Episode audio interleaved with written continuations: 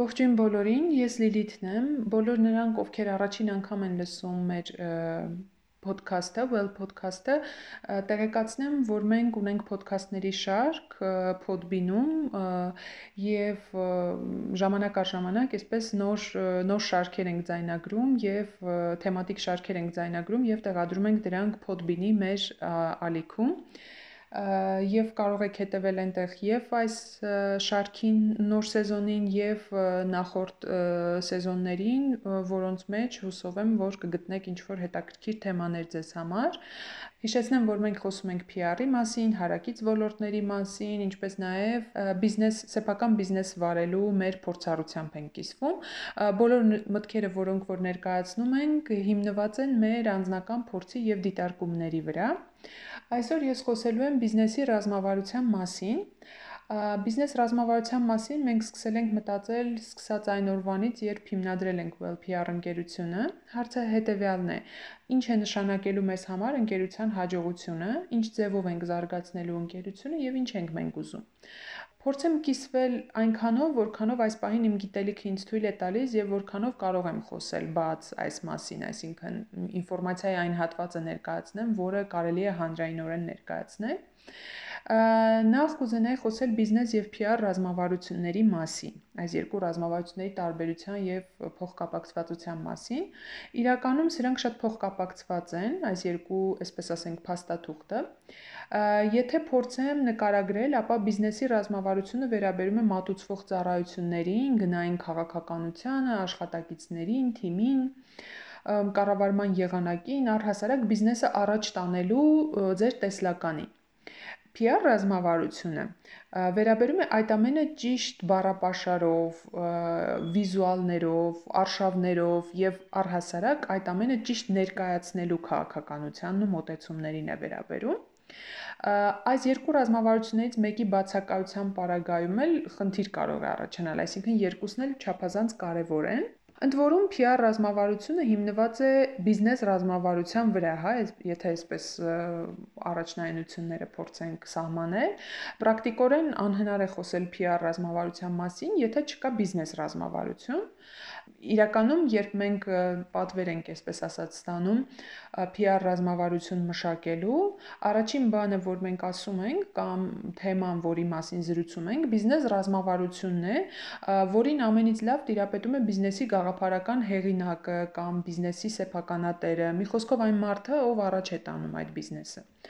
Այս պահին ավելի շատ, սակայն, խոսելու եմ հենց ոչ թե որքան է զարմանալի է, այս պահին խոսելու եմ ոչ թե PR ռազմավարության մասին, այլ բիզնես ռազմավարության մասին, մեր ընկերության օրինակով, եւ մի քանի կետ եմ առանձնացրել, որոնք մենք հաշվի ենք առել մեր բիզնես ռազմավարությունը մշակելիս եւ խոսենք թե որքանով են դրանք կարեւոր։ Նախ առաջին բանը դա դիրքավորումն է, հա, ընկերության Ցանկացած բիզնես, որը գործում է այս կամ այն ոլորտում, նախ պետք է բնականաբար որոշի, թե որն է լինելու ծառայությունների իր շրջանակը եւ բնականաբար ուսումնասիրում է նաեւ թե ինչպիսի ընկերություններ կան, հա, այդ ոլորտում։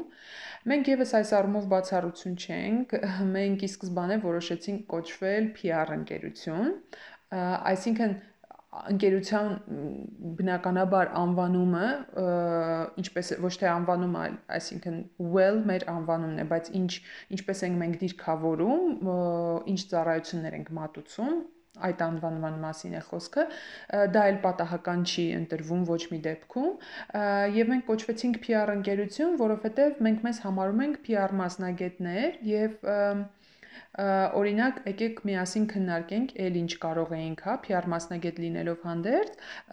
well-ը էլ ինչպես կարող էինք դիրքավորել։ Օրինակ, մենք կարող էինք անվանել մեզ թվային ընկերություն, հա, digital agency,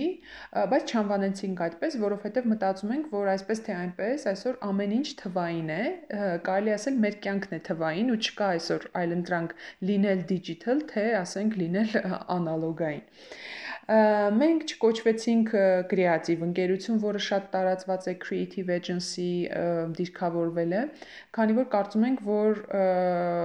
կրեատիվը մի քիչ շատ վիճելի կատեգորիա է եւ անընդհատ այդ քննարկումները կան ինչն է կրեատիվ, ինչն է ոչ կրեատիվ, ելի կրեատիվ կամ ստեղծագործ լինելը մենք կարծում ենք, որ ելի այսպես by default, հա, այսպես այսպես թե այնպես պետք է լինի կրեատիվ դրսևորումը եւ այդպես անվանել նշանակ էլի կարիք չկար։ Մյուսը բրենդինգ ընկերություն բնականաբար չէին կարող կոչվել, քանի որ բրենդինգը ասոցացվում է, երբ որ ասում ես բրենդինգ ընկերություն, նշանակում է դու մատուցում ես բացառապես բրենդինգի ծառայություն։ Բացի այդ, բրենդինգը ասոցացվում է միայն ընկերության վիզուալ իմիջի հետ շատերի մոտ, իսկ մենք հավատացած ենք եւ այն համոզմունքն ունենք, որ բրենդը միայն վիզուալի մասին չէ եւ մենք մեր տարբերությունն այն է, որ մենք կոնցեպտի շուրջ ենք նաև աշխատում, մեծ կարևորություն է մեզ համար ներկայացնում բովանդակությունը, որը ընկած է վիզուալի հետևում։ Մարքեթինգային բնականաբար չէինք կարող կոչվել, բացառվում է, քանի որ մենք թվային ցուցիչների հետ չենք աշխատում եւ այս մասին մեր նախորդ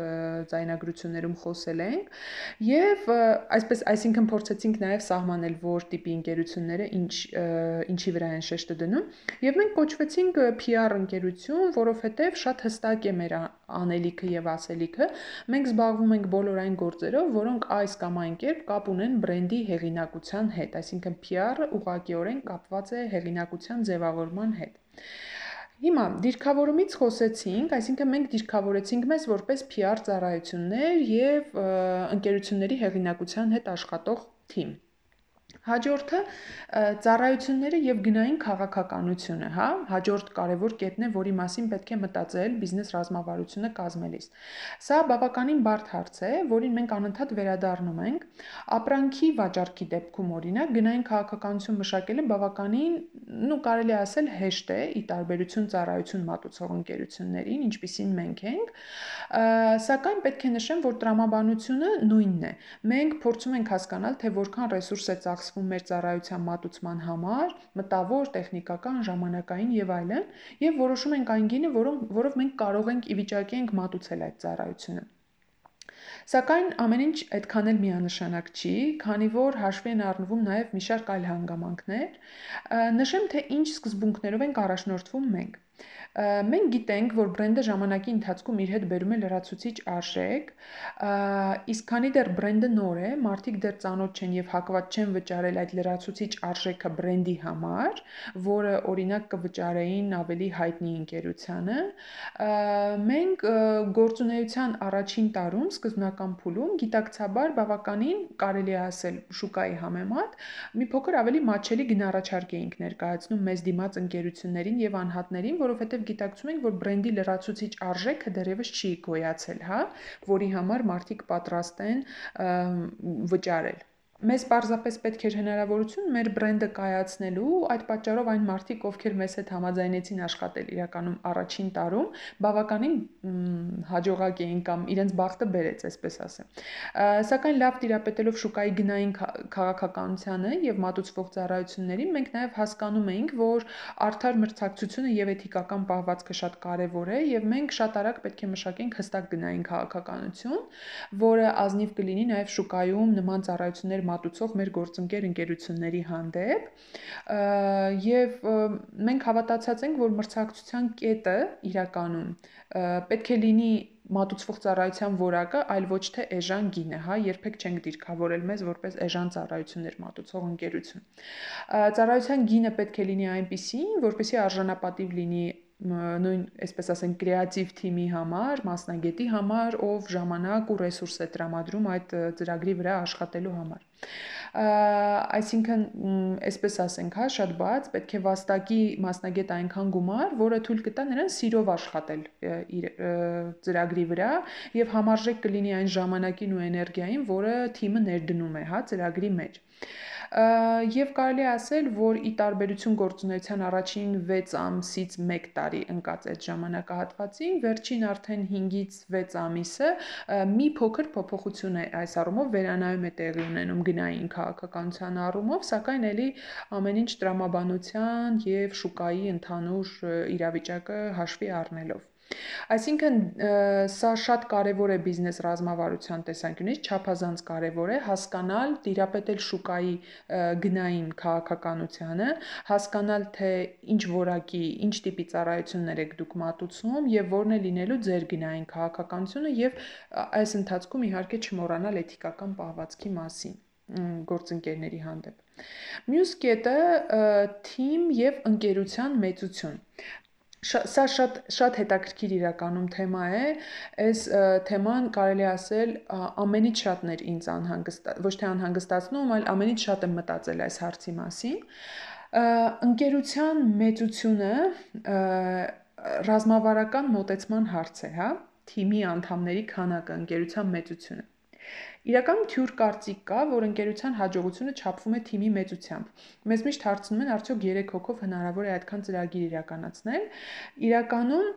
հնարավոր է, որովհետև ստեղծագործ աշխատանքում աշխատանքի կազմակերպման սկզբունքներն էլ են ստեղծագործական։ Մենք հասկացանք, որ եթե մեր ռեսուրսը ճիշտ օգտագործենք եւ կենտրոնանանք գաղափարական աշխատանքի վրա, ապա տեխնիկական մասը իրականացնողներ միշտ մարդիկ կգտնեն եւ ռեսուրսներ կգտնվեն։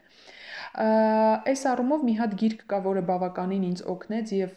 տվեց ինձ հարցի պատասխաններ, կոչվում է Company of One: Why Staying Small is the Next Big Thing for Business։ Իրական շատ հետաքրքիր գիրք է, կարող եք թերթել, բաց բաց հասանելիությամբ կա համացանցում։ Հեղինակը շատ մանրամասն բացատրում է, թե ինչու է սխալ մտածել, որ որքան մեծ լինի թիմը եւ ընկերությունը, այնքան հաջողակ է։ Company of One եզրույթը նա օգտագործում է եւ այդպես անվանում է բոլոր տեսակի փոքր ընկերությունները, այսինքն company of one ասելով նկատի չունի հենց մեկ հոգու, հա, ընկերություն, այլ փոքր փոքր թիմերով ընկերություններ։ Եթե շատ չխորանամ գրքի բովանդակության մեջ, ապա հիմնական միտքը այն է, որ աշխարհը շատ դինամիկ ու փոփոխական է եւ ցանկացած մեծ կառույց ինքը դառնում է ավելի և, խոցելի փոփոխությունների նկատմամբ։